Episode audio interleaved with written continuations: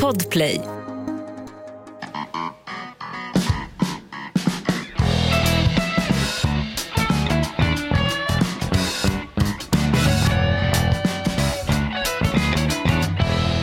Jajamensan, detta är podden Inaktuellt och vi befinner oss just nu på ja, det här lilla torget utanför Rosenbad.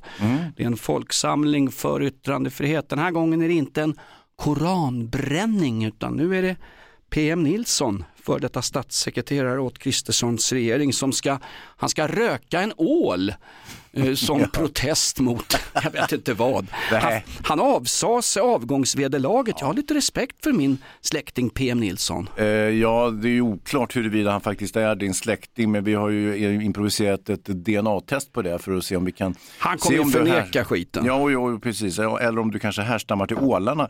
Det var ju så konstigt med den här PM Nilsson-historien då. Känner ni till bakgrunden? Han har tjuvfiskat eh, ål, det har han gjort i alla tider, eh, nere i Blekinge skärgård och eh, Eh, Eh, då tyckte man ju då att nu har det blivit förbjudet.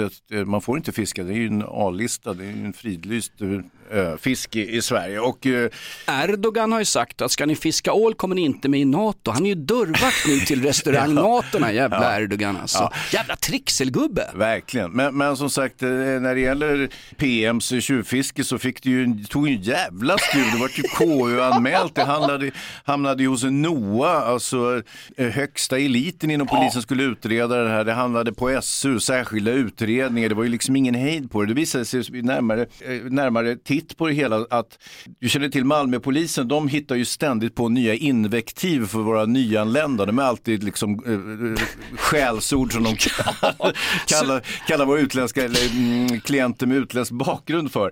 Det visar sig att eh, Malmöpolisen, de kallar ju våra somaliska kulturivrare för ålar och det var där sammanblandningen hade skett och det var därför som det här ärendet hamnade så högt upp i polishierarkin innan man förstod att det här var en riktig skitsak så att säga. Och vi måste ju komma ihåg att det är inte PM Nilssons fel att han fiskar ål. Det är ju Djursholmsborna och folk i överklassområden och en bedagad medelklass som sitter och äter ål på helgerna. Så han, han pressas ju i sitt utanförskap, PM Nilsson, till att gå och fånga ål och sånt. Och sen är det olika gäng som konkurrerar om olika ålbetesmarker. Va? Så är det. Sargassohavet, där håller den där, vad heter han, kurdiska... Kurdiska räven där. Ja, kurdiska röven, det är ju kurd och bax i alla debatter. Men kurdiska räven, det är han som sitter på ett hotell i Turkiet Ja. och ser till vilka portar i mitt bostadsområde som ska sprängas just den och den Ja, kvällen. Så Hans riksdagsplats tydligen vakant nu, kurdiska räven.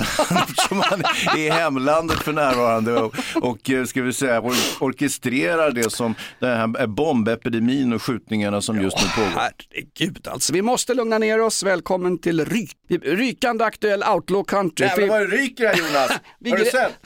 vi gräver upp något skit ifrån Någon som har slängt en handgranat 1950-talet. här ute. Ja. Den som inte rör på benstumparna till den här låten i permobilen på äldreboendet, den får kontakta personalen. Eventuellt kommer de byta medicinering. Nu gungar vi loss. Välkommen till Inaktuellt. Oh,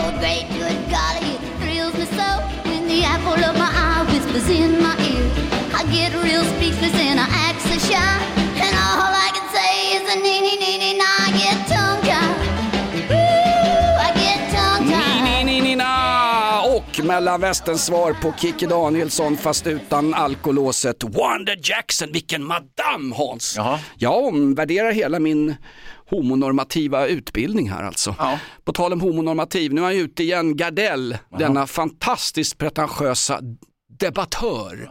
och Han är ju inte så pretentiös i sina debattinlägg. Jag tycker han kallar en spade för en spade. Han är ju stridbar Gardell, det är roligt. Det var ju någon...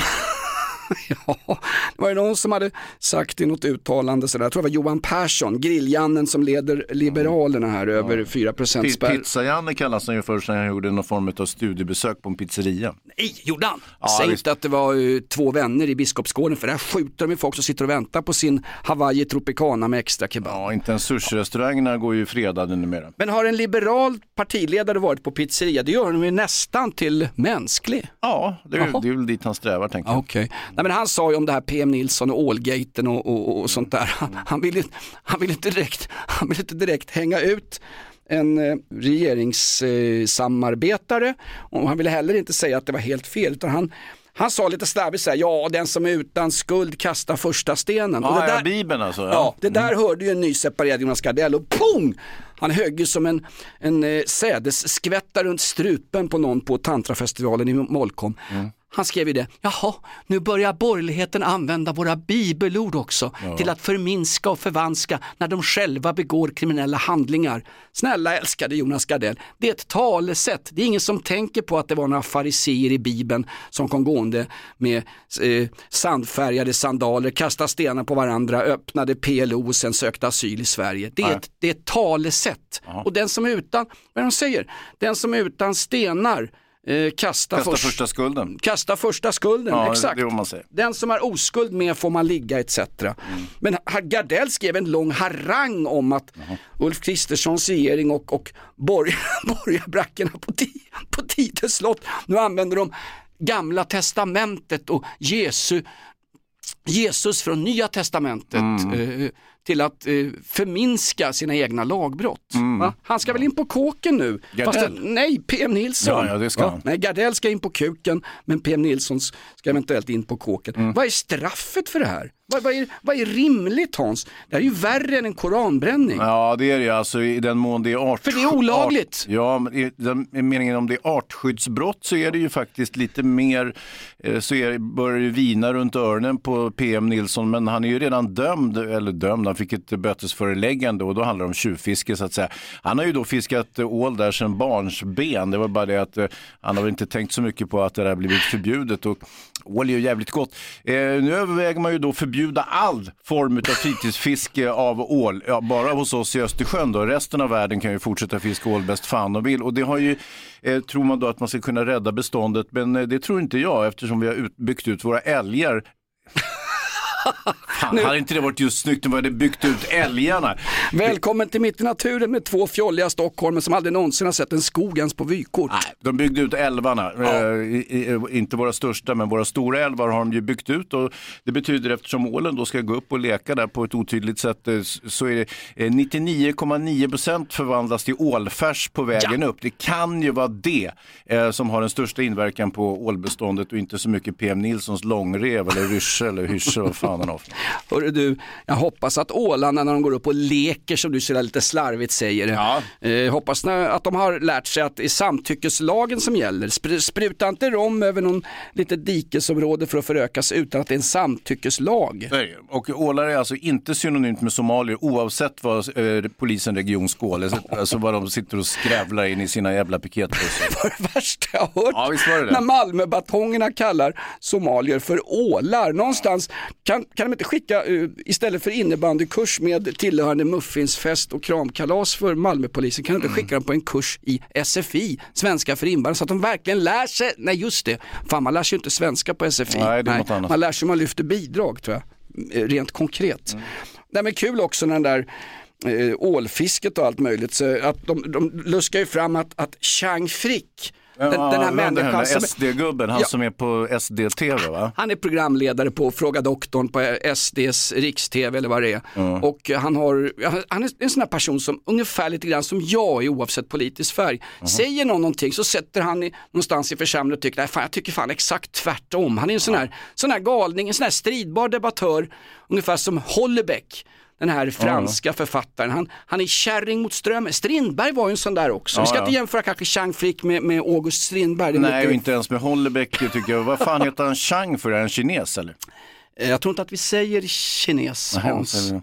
säger vi? Säger, eh, ja, vänta, populist. Visst, så fort någon har en annan åsikt än den gängse normen i Sverige, fast vi ska bryta alla normer, då är man ändra populist eller, som i det här fallet, han har ju titeln provokatör. Ja, ja, ja, Provokatören visst, Chang Frick. Ja. Han har mig veterligt aldrig begått något olagligt förutom att han varit med i RT, Russia Television va. Mhm. Och eh, tyckt att ryssarna är ett jävla bra land alltså. Mm. Han är lite av en, en, en uh, russom, ru, vad heter russ, russ, russ, russ. Russin. Jag får syn på min pung här, russin, Ja. två russin.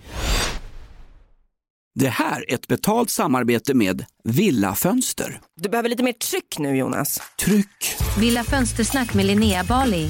Villa, villa, fönster, fönster, fönster med Bali, Bali, Bali. Jonas, nu tänker jag lära dig lite om Villa Fönster. Lär mig baby. Villa Fönster är en rikstäckande leverantör av fönster och dörrar till dig som konsument och byggföretag. Och vet du vad Jonas? Vadå? Jag har en spaning. Ja. Det som gör dem så unika är att de har Sveriges bästa leveranstid. Ja, det går undan har jag hört va? Ja, det gör det. För man tänker kanske som konsument så här, åh nej, det här kommer ta så lång tid. Men inom tre veckor alltså så har du ett svenskt nyproducerat fönster som är redo för omgående avhämtning eller leverans. Oj, oj, oj, inom tre veckor. Är det inte så också, jag har hört ryktena, de har Sveriges största fönsterlager va? Ja, med 500 olika varianter av fönster. Och eftersom de allra flesta av oss vill ha olika storlekar på fönster så kan Villa Fönster dessutom göra anpassningar såsom spröjs, spaltventil med mera. Oj, oj, oj Linnea, du övertygar här. Du vet inte vad en persedel är för någonting, men spröjs och spaltventiler. Här har jag nästan läst på universitetet om det här. Ja, och är det någon som har koll så är det Villa Fönster. Historisk referens här. Har du? Ja, alltid. Ända sedan 2008 så har Villa Fönster alltid haft visionen att erbjuda kvalitetsprodukter till rätt pris och kortast möjliga leveranstid.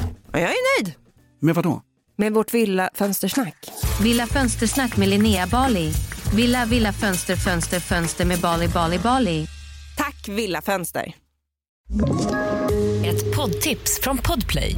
I fallen jag aldrig glömmer djupdyker Hasse Aro i arbetet bakom några av Sveriges mest uppseendeväckande brottsutredningar. Går vi in med hemlig telefonavlyssning och, och då upplever vi att vi får en total förändring av hans beteende. Vad är det som händer nu? Vem är det som läcker? Och så säger han att jag är kriminell, jag har varit kriminell i hela mitt liv men att mörda ett barn, där går min gräns. Nya säsongen av Fallen jag aldrig glömmer på Podplay. Vad är det med de här SD-lirarna och deras konstiga namnbyten? Du, du har ju den här eh, kvinnan som var där på SD tv-kanalen innan hon fick sparken, Ceausescu, vad fan hon heter, och nu heter, heter hon plötsligt Guldballe eller något, du vet att de har krist, kristallkrona eller vad. de döper ju om sig till bisarra saker ju. Ja, men Chang Frick torskade för att han hade tydligen han hade betalt de här 320 kronorna som det kostade för Erasmus Paludan att få ett demonstrationstillstånd. Ja, det, så att han på ett effektivt sätt kunde stoppa Sverige och komma med i NATO. Så Mm. att det är liksom, det är öppna era hjärtan för rysspacket när de rusar in på kobbar och skär utan framtänder och ger, oss, ger sig på skärgårdsbönder och annat löst folk som häckar där ute. Mm. Var inte ett ord om att Socialdemokraterna tryckte iväg 3 miljarder av våra pengar för att muta Kakabaveh och hennes PKK-vänner för att behålla regeringsmakten. De, de, det lilla bidraget, det lilla demonstrationstillståndet till YPG, det vill säga PKK, det var det ingen jävel som pratade om. Nej. Kakabaveh betyder ju mellanlänk, alltså en, mellan, en mellans, Mellanhand. Ja. mellanhand. Mellanhand, exakt. Och sen var det också kul när Jomshoff, som är deras... Jag har också någon sån där dåre med konstigt namn i.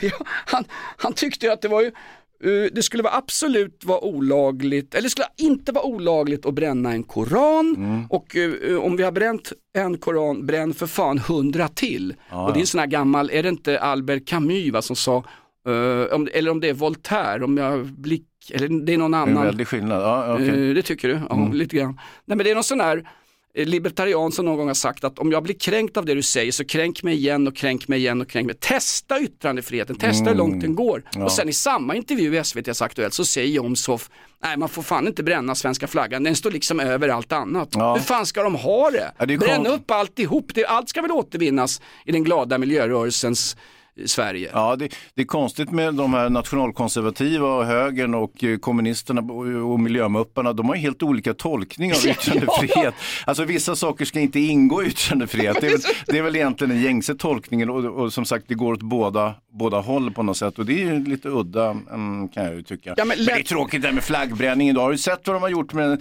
svenska fanan i, mm, i olika, i olika muhammedanska länder? De eldar upp den och spottar på den. Ibland har de tagit den schweiziska flaggan också. Den är inte ens lik den svenska om jag ska vara helt ärlig. de, de, de som verkligen har skändat den svenska flaggan sista veckan, det är ju svenska handbollslandslaget. För fan, avgå era fotsvetsmamelucker, Ja, det är inte okej. Och vad är det här? Visst, de sjunger stad i ljus istället för nationalhymnen. Det spårat ur helt. Och fan är Tommy Körberg kung i Sverige? Eller vad är det här? Snart, snart är Lale ärkebiskop i Sverige. Det finns liksom finns inga, finns inga, jag säger som Verner von Heidenstam, Ja, vart är värdena? Precis, det finns inga värden i det här landet. Nej, jag tänker på den svenska flaggan då som, ett, som man tänker, ja, men det är ju någonting evigt. Det är, vad var det Jomshof sa? Den, den skulle exkluderas från, mm, den får man inte ge sig på. Sådär. För den stod över allt annat. Över allt annat. I yttrandefrihetens namn så står ingenting över Nej, allt annat. Sen särskilt- 1983 så får du fan bränna flaggor. Till och med Djurgårdsflaggor på fotbollsderbyn. Det är inte olagligt även om Nej. det är kanske det är att eh, Jag tror brandskyddsmyndigheten har en annan åsikt om just när man bränner flaggor inne på arenor sådär. Men, men det, det, det är ju en annan, sak. Det är lite annan sak. Men, Men det är lite grann som att lägga lök på laxen. AIK kanske har vunnit något där. eller lök på ålen som vi säger numera. Ja, lök, Men- Rökt gelé på ålen, det är gottis, det är ju Tjolm. Ja, men jag tänker det där med, med flaggan och dess beständighet och, och eh, att den skulle ha en särställning och så vidare. Eh, alltså den är ju otydlig den svenska flaggan. Det, den fanns ju mm, redan Magnus Ladulås eh, lär ha haft någon typ av flagga som möjligtvis liknade den svenska flaggan. Sen var det olika medeltider och eh, kungar och adelsmän som hade sigill. Eh, kanske kunde vara tre kronor eller mm, någonstans att det kunde börja likna en flagga. Men, men det var ju först under 1800-talet med de nationalistiska strömningarna i Europa som man började tycka så här, nu är det ju viktigt att ha en flagga. Tidigare så hade den bara varit i maritima sammanhang, det vill säga man hade en, en vimpel för att kunna se vilka, vilka regatter man skulle sänka eh, på, från övre kanondäck så att säga, så man inte råkade, råkade sänka sina egna, vilket man för gjorde i alla fall. Det här är ju så länge sedan, så att på den här tiden så var ju Richard Jomshof eh, Gick han ju kortbyxor? Ja, representerar ju Moderaterna och dessutom har jag pratat i intervjuer jag har ju röstat socialdemokratiskt så att allting, det går ju som ålar i Sargassohavet, allting går ju fan i cirklar.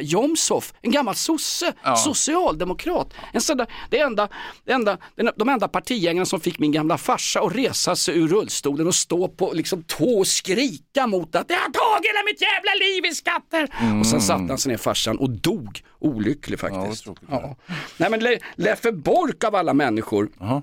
Han är ju stridbar också, han är Ja. lite som en gardell från hockeyvärlden på något sätt. Ja, det är så här, när man läser Leif Bork på Twitter, denna gamla hockeylegend som börjar med ormar. så- Hockeyprofessor. Ja, just det.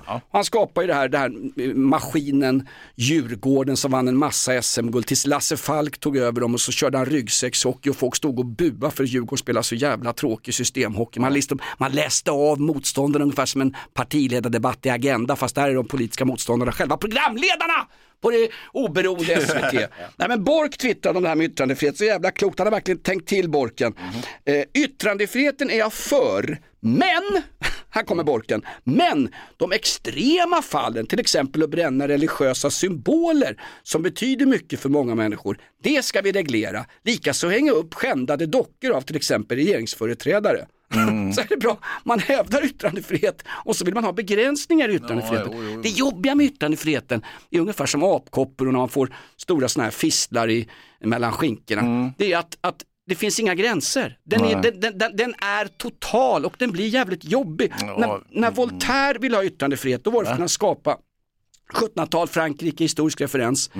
Eh, Vol- när Voltaire skapar yttrandefrihet och det begreppet att jag är beredd att döda dig för att du inte ska få döda någon för den dödes åsikter och sånt där. Då är det ju för att man vill skapa en revolution. Det var ju ett totalitärt samhälle. Vi har ju släppt det lite grann nu Hans. Nu har vi andra utmaningar, Vilka? min vikt till exempel. Din vikt. Ja.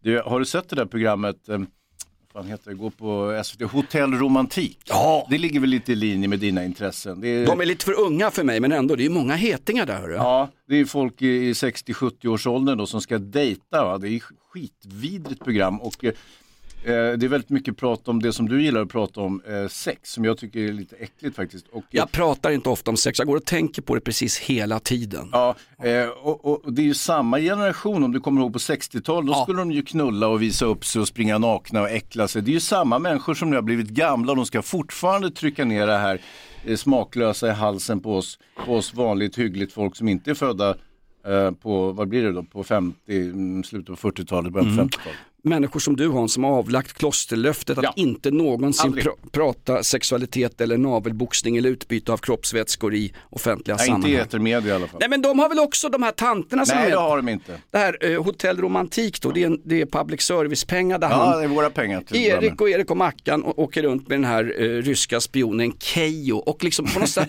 På, på är något, rysk Ja, hon är ju rysk, ryskbördig. säga. Ja, men vänta, för, förbjuder vi ryska skidåkare får vi förbjuda alla ryska medborgare. Annars, Ja. annars slår det ju hej vilt. Ja. Eh, nu är det väl så att eh, ryssarna är välkomna tillbaka i den olympiska gemenskapen. va? Staffan Holm tycker att det där är alldeles förskräckligt. Han sitter där hemma i Karlstad och gnisslar tänder över det här. eh, eh, och då, då ska du veta att världens bästa kvinnliga höjdhoppare som för övrigt hoppar högre än Stefan Holm, hon eh, är ju ryss. Så att det kan vara välkommet att, att, att de är med igen. Men det här Hotell Romantik då, man har hyrt någon alpstuga där nere och halva programmet, ja jag har sett programmet, Ja, man, man måste se vad man får. Mm. man måste, måste se vad man får för pengarna när ens gamla skolkamrater ska para sig upp i någon dejtingsåpa signerad public service-tv. Mm. Nej, men de åker ner till något eh, klassiskt sådana hotell, eh, ungefär eh, något hotell som liknar de långa knivarnas natthotell nere vid Bådensjön. När, Just just när- när Ernst Röhm blev påkommen inne på rummet där. Det är ju det hotellet ser jag nu. Exakt, den gamla SA-mannen, alltså Schutzabteilung, Mm. Hitlers skyddsvakt som fick för mycket makt så att Heinrich Himmlers SS beslutade att döda dem alla och resten är ju då invasionen av Falklandskriget i slutändan. Ja. Nej men då har de ju hittat på att de ska åka ner dit och de vill väl också, de vill väl också dra lite ål de här tanterna Jo, som jo, jo, 70. jo, men måste det här ske i tv på bästa sändningstid för våra licenspengar? Ja, inte, det är ju skattepengar, men skitsamma. Jag tänker på det där med flaggan. Jag kan inte slä, släppa den svenska flaggan som nu eldas upp i valda delar av världen fast de inte ens vet var Sverige ligger någonstans. Och jag klandrar dem inte. Jag vet inte var Sverige ligger någonstans. Hur som helst, efter eh, unionsupplösningen 1905 då hade vi lite norsk smutsfläck längst upp till vänster på flaggan. Kommer du ihåg det Ja, Jonas? det minns jag mycket väl. Jag gick Ja. i skolan på den tiden, hade Bosse Hansson som slöjdlärare. Jäklar vad svarven gick kan jag berätta. 1905 pratar vi. Ja, eh, och det är först på 1900-talet, den senare hälften, som, som flaggan blir någon sorts, eh, eh, som, som det blir en riktig symbol som den får sitt korrekta utseende. Först var den faktiskt tänkt som en provokation, även flaggan, mot danskarnas flagga. Danskjävlar! Ja, vi dan- gör en likadan flagga fast vi kastar om färgerna och gör en gul och blå istället för röd och vit. Vad fan säger ni nu då, Christian Tyrann? Dannebrogen är ju som ett rött skynke fast med ett vitt kors för alla oss svenskar som har blivit utsatta för överpriser och fått fultjack nere i Christiania på en vanlig Köpenhamnsweekend. Ja, och utspelad i handboll och allt Ja, möjligt vad de visst. hittar på mot oss nu för tiden. Men, men, så, och sen så så att det där, för att återgå till Jomshofs mm, egensnickrade teorier om att eh, flaggan har en särställning.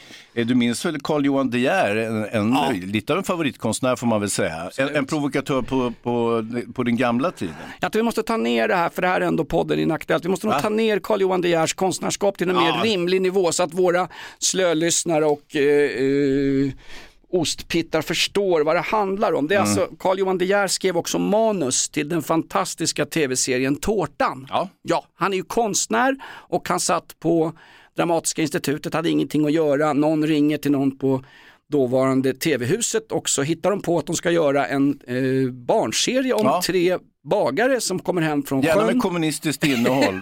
Men det, ly lyckas de inte med för han är, han är inte kommunist i första hand utan han är konstnär. Så Nej, de gjorde vad de ville helt enkelt. han är som Jomshof.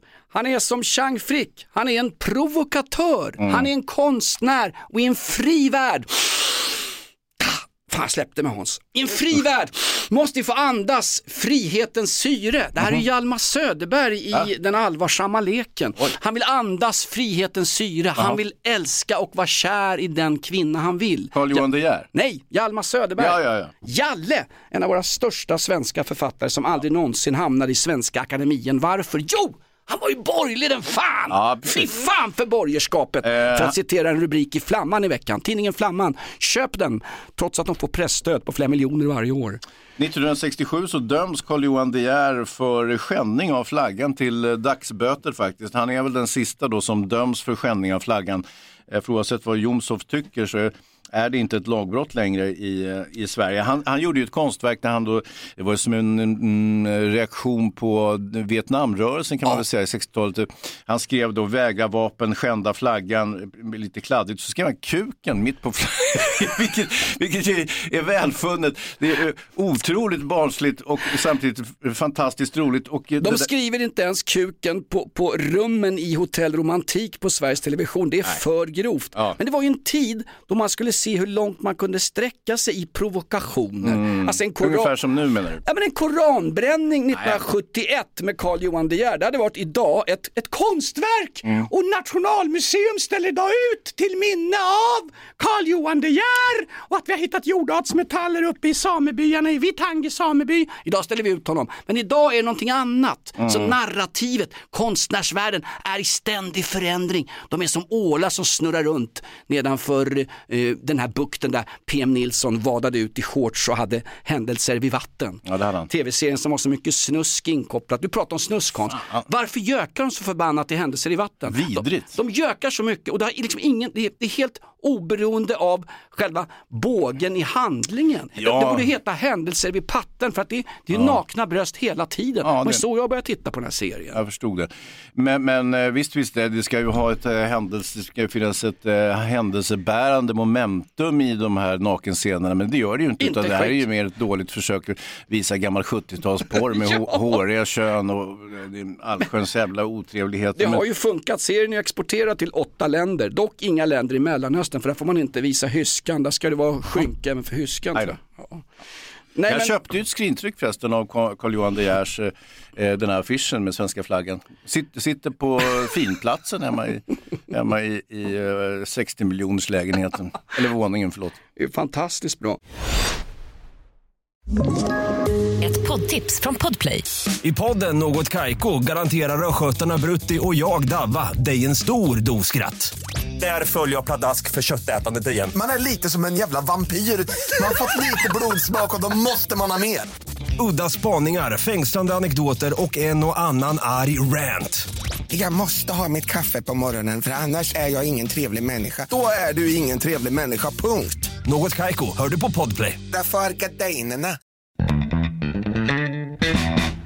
gardinerna. Hör du förresten, eh, på tal om flaggor och sånt.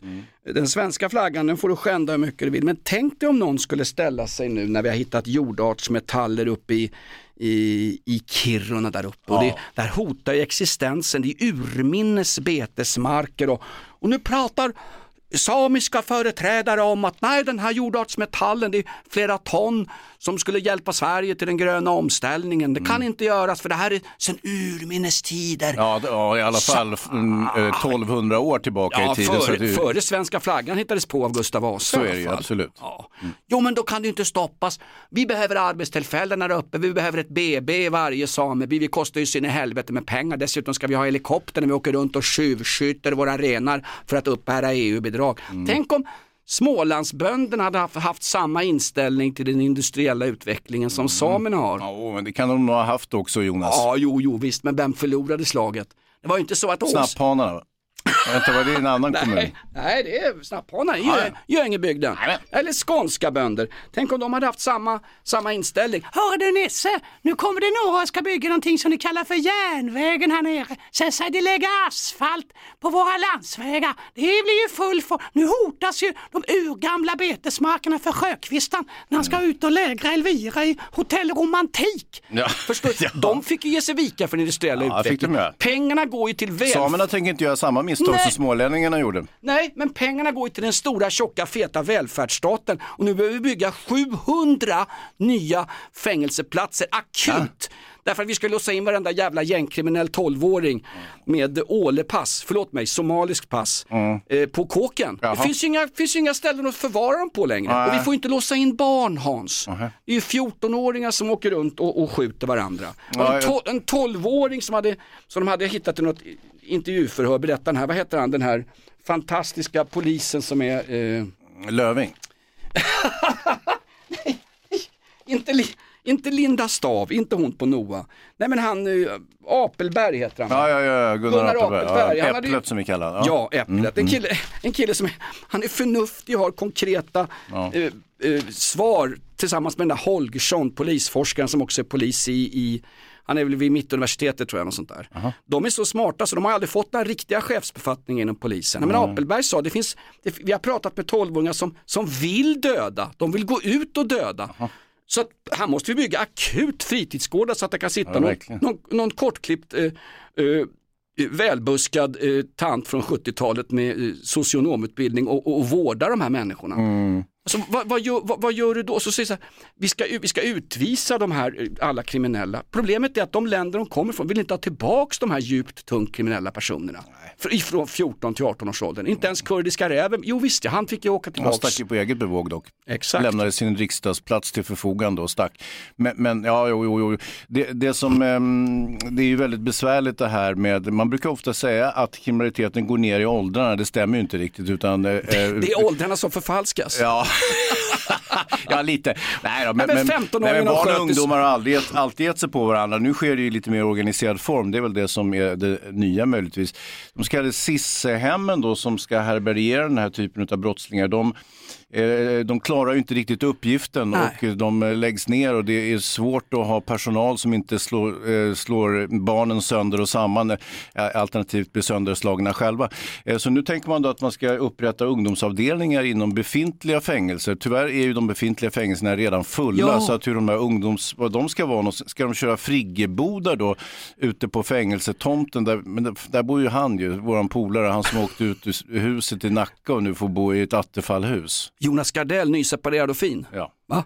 Nej men eh, det var någon sån här flerbrottsutredning, de hade något förslag om att den här, när man slopar mängdrabatten så, så eh, i, i, i samband med att man gjorde det så kommer det att utdömas, beräknar man, ungefär 800 fler fängelseår per år. Ja, ja, mm. Och inte ens idag så har vi plats för de fångar som finns. Jag tror det fattas 600 fängelseplatser i Sverige. Ja, jag tror vi behöver tillbaka de där rabatterna om jag Ja, ska vara helt ärlig, annars kommer det inte bli någon ordning alls. Här blir, jag, här blir jag lite grann som en blandning mellan Chang Frick, Voltaire och Jonas Gardells portvakt. Eh, hade vi mängdrabatt för att det inte fanns plats på våra kåkar? Hade vi straffrabatt för att vi inte hade, hade kapacitet att låsa in folk? Ja, det ligger i farans riktning. Ja, och det är märkligt därför att de som sitter och lagstiftar, det är inte de som bor ute i Farsta och får portuppgången Nej, sprängd. du bor i Farsta. Ja, exakt. Vanligt hyggligt folk. Jag säger som Ja, Alf ja, inte du är väl inte Nej, vanligt okej, hyggligt folk. Vanligt, va, vanligt löskefolk då. Ja,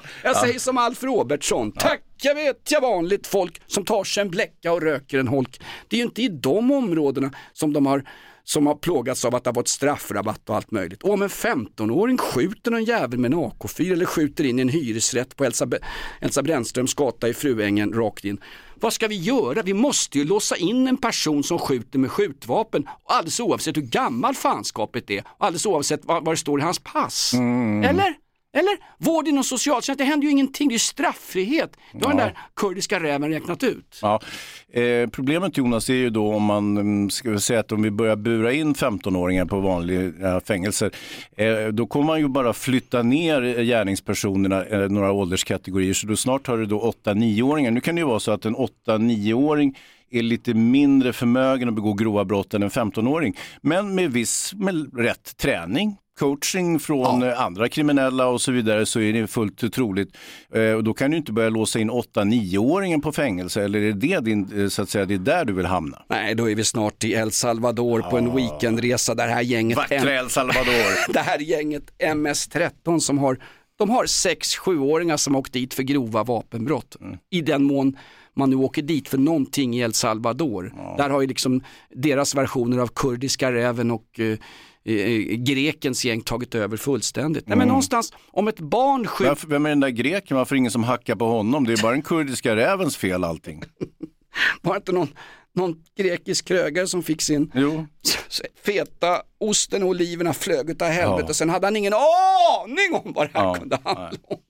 Mitt på Södermalm dessutom. Nej men vad gör vi då om barn skjuter på barn Hans? Jag, jag, jag kan ju ringa till min gamla kompis från AIKs östra läktare, finläktaren. Bosse Mm. Hansson har en lista över alla grabbar från sju år och uppåt i Stockholm. Det Bara uppdatera hans lista. Ja, det jag tror är väl att man, eh, mm, i Sverige så slog ju den här idén om eh, lågaffektivt bemötande igenom stort på 90-talet och det är så att säga så man ska hantera barn, inte bara i skolan utan då jag antar ute i, i resten av samhället. Det är ungefär samma barn som går i skolan som begår de här brotten ska man ju inte glömma. Det är inte så att de inte är i skolan, de dyker säkert upp i skolan lagom till till lunchen och sådär. Så att eh, det lågaffektiva bemötandet det betyder alltså att man mm, måste hantera folk som är, barn som är aggressiva med att eh, då titta undan och vika ner sig så att säga. Man får till exempel inte ta en 12-åring i armen, eh, även om 12-åringen sen mordhotar den och sen Om- faktiskt mördar risken att man åker dit själv mycket, mycket större. Och, Man får inte ta en 12-åring i armen, men om den här 12-åringen står på en stor demonstration och sträcker höger arm rätt upp, då får man göra exakt vad man vill. För då är han,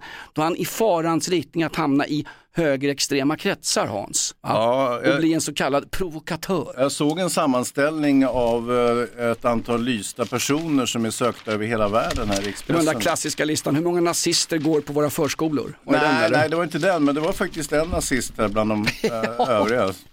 Eh, så att, eh, åtminstone, han utgör åtminstone mm, 5% av den här listan av, av svårt kriminella personer som är lysta utomlands. Nej, men lågaffektivt bemötande, det var den här danska, det är en dansk socionom från början, Bo Helskov Elven heter han. Ja, precis. Och det, det, från början så är det att man inte ska, man ska titta bort med blicken när någon blir arg eller sådär, vara härligt konflikträdd. Och det där, den, här, den här idén lanserar ju han till en massa kommuners skolkontor och alla köpte det där för att det finns ju ingen skönare för oss bananer än att slippa ta tag i någonting, undvika någonting och bara blunda.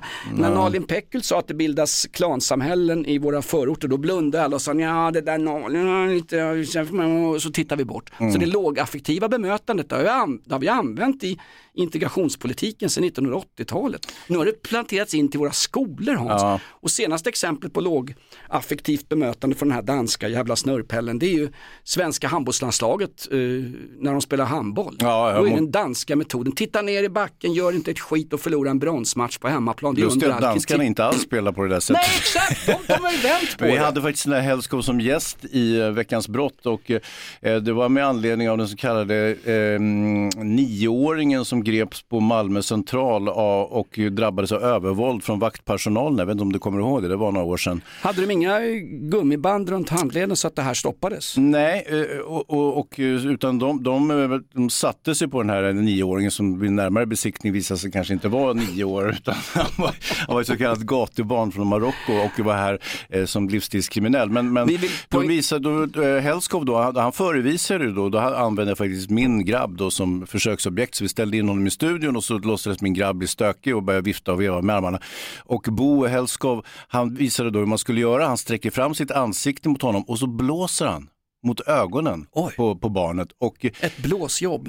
Inte riktigt, men här, då, då skulle det här alltså då, eh, distrahera barnet så till milda grad att få den här vindpusten på ögonlocken så att han skulle upphöra med sitt våldsamma beteende. Så det var ju lite, det var ju där då, då, då såg jag till och med att, att Geva, då började han vrida på sig lite grann. Du tyckte väl att, nej vet du vad, om du försöker med det där på, eh, med en nioåring på Malmö central, då kommer han att bita ansiktet av dig samtidigt som du blåser.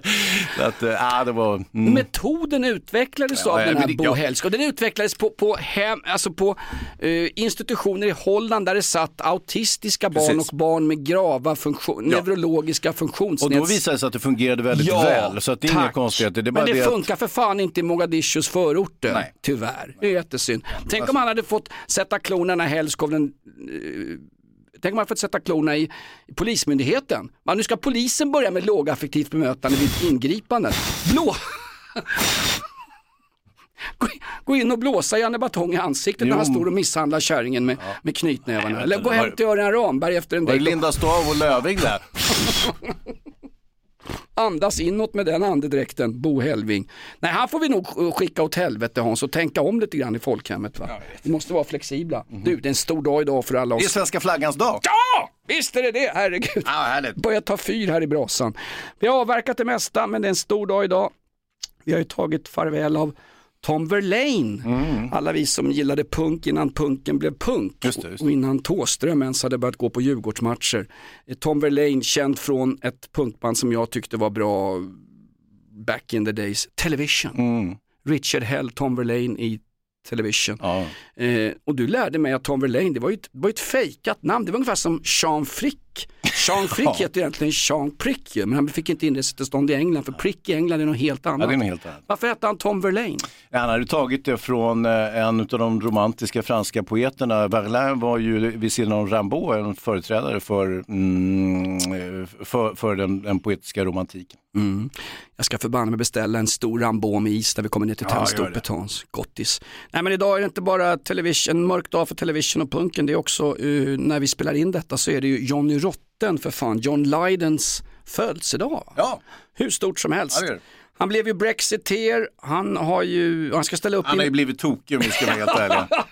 Om man inte kanske var det redan från början. Men... Snacka om att ha skändat flaggan. Mm. När de gick runt i yttrandefrihetens namn, när Sid Vicious hade på sig en tröja i Hammersmith, eh, rätts, i Hammersmiths domstol med en svastika på. Ja. Inte ens det var olagligt, fast det var så jävla osmakligt för det satt engelska knegare utan tänder som hade stridit mot nazistsvinen under hela kriget. Mm. Inte ens det var olagligt, för det är västerländsk yttrandefrihet signerat Voltaire, va?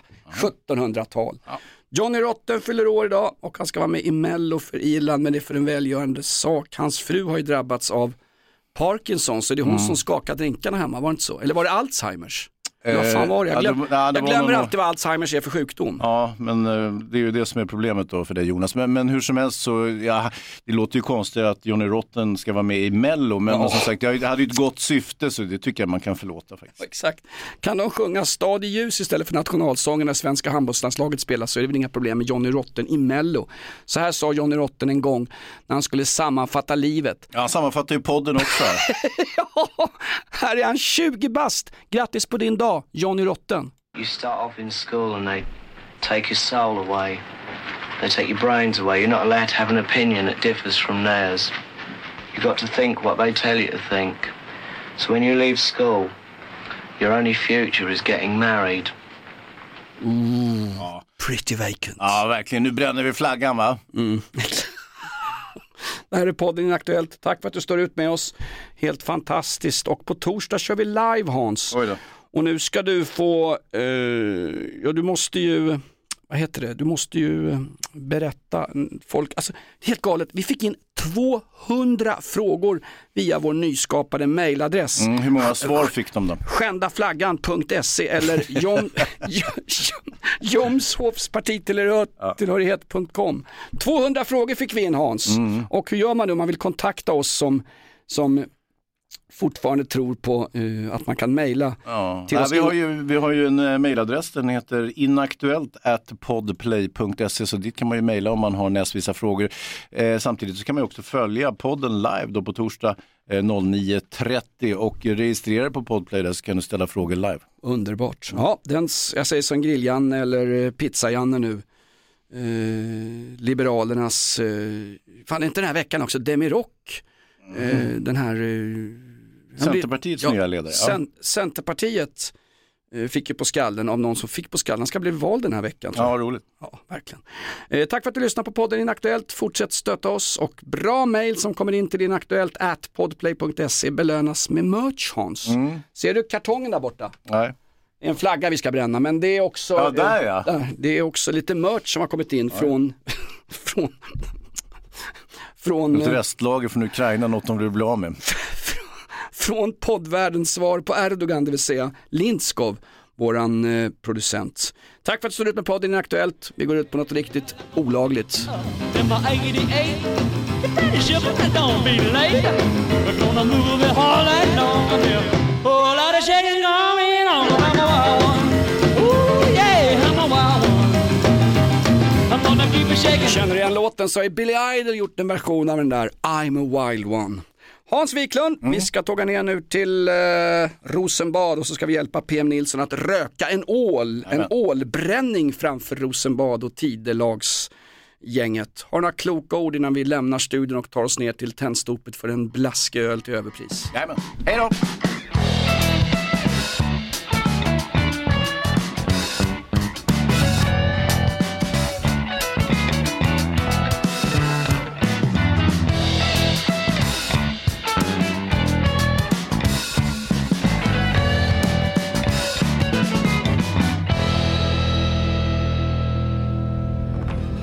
Podplay, en del av Power Media. Poddtips från Podplay. I podden Något Kaiko garanterar östgötarna Brutti och jag, Davva, dig en stor dos skratt. Där följer jag pladask för köttätandet igen. Man är lite som en jävla vampyr. Man har fått lite blodsmak och då måste man ha mer. Udda spaningar, fängslande anekdoter och en och annan arg rant. Jag måste ha mitt kaffe på morgonen för annars är jag ingen trevlig människa. Då är du ingen trevlig människa, punkt. Något Kaiko, hör du på Podplay. Därför är gardinerna.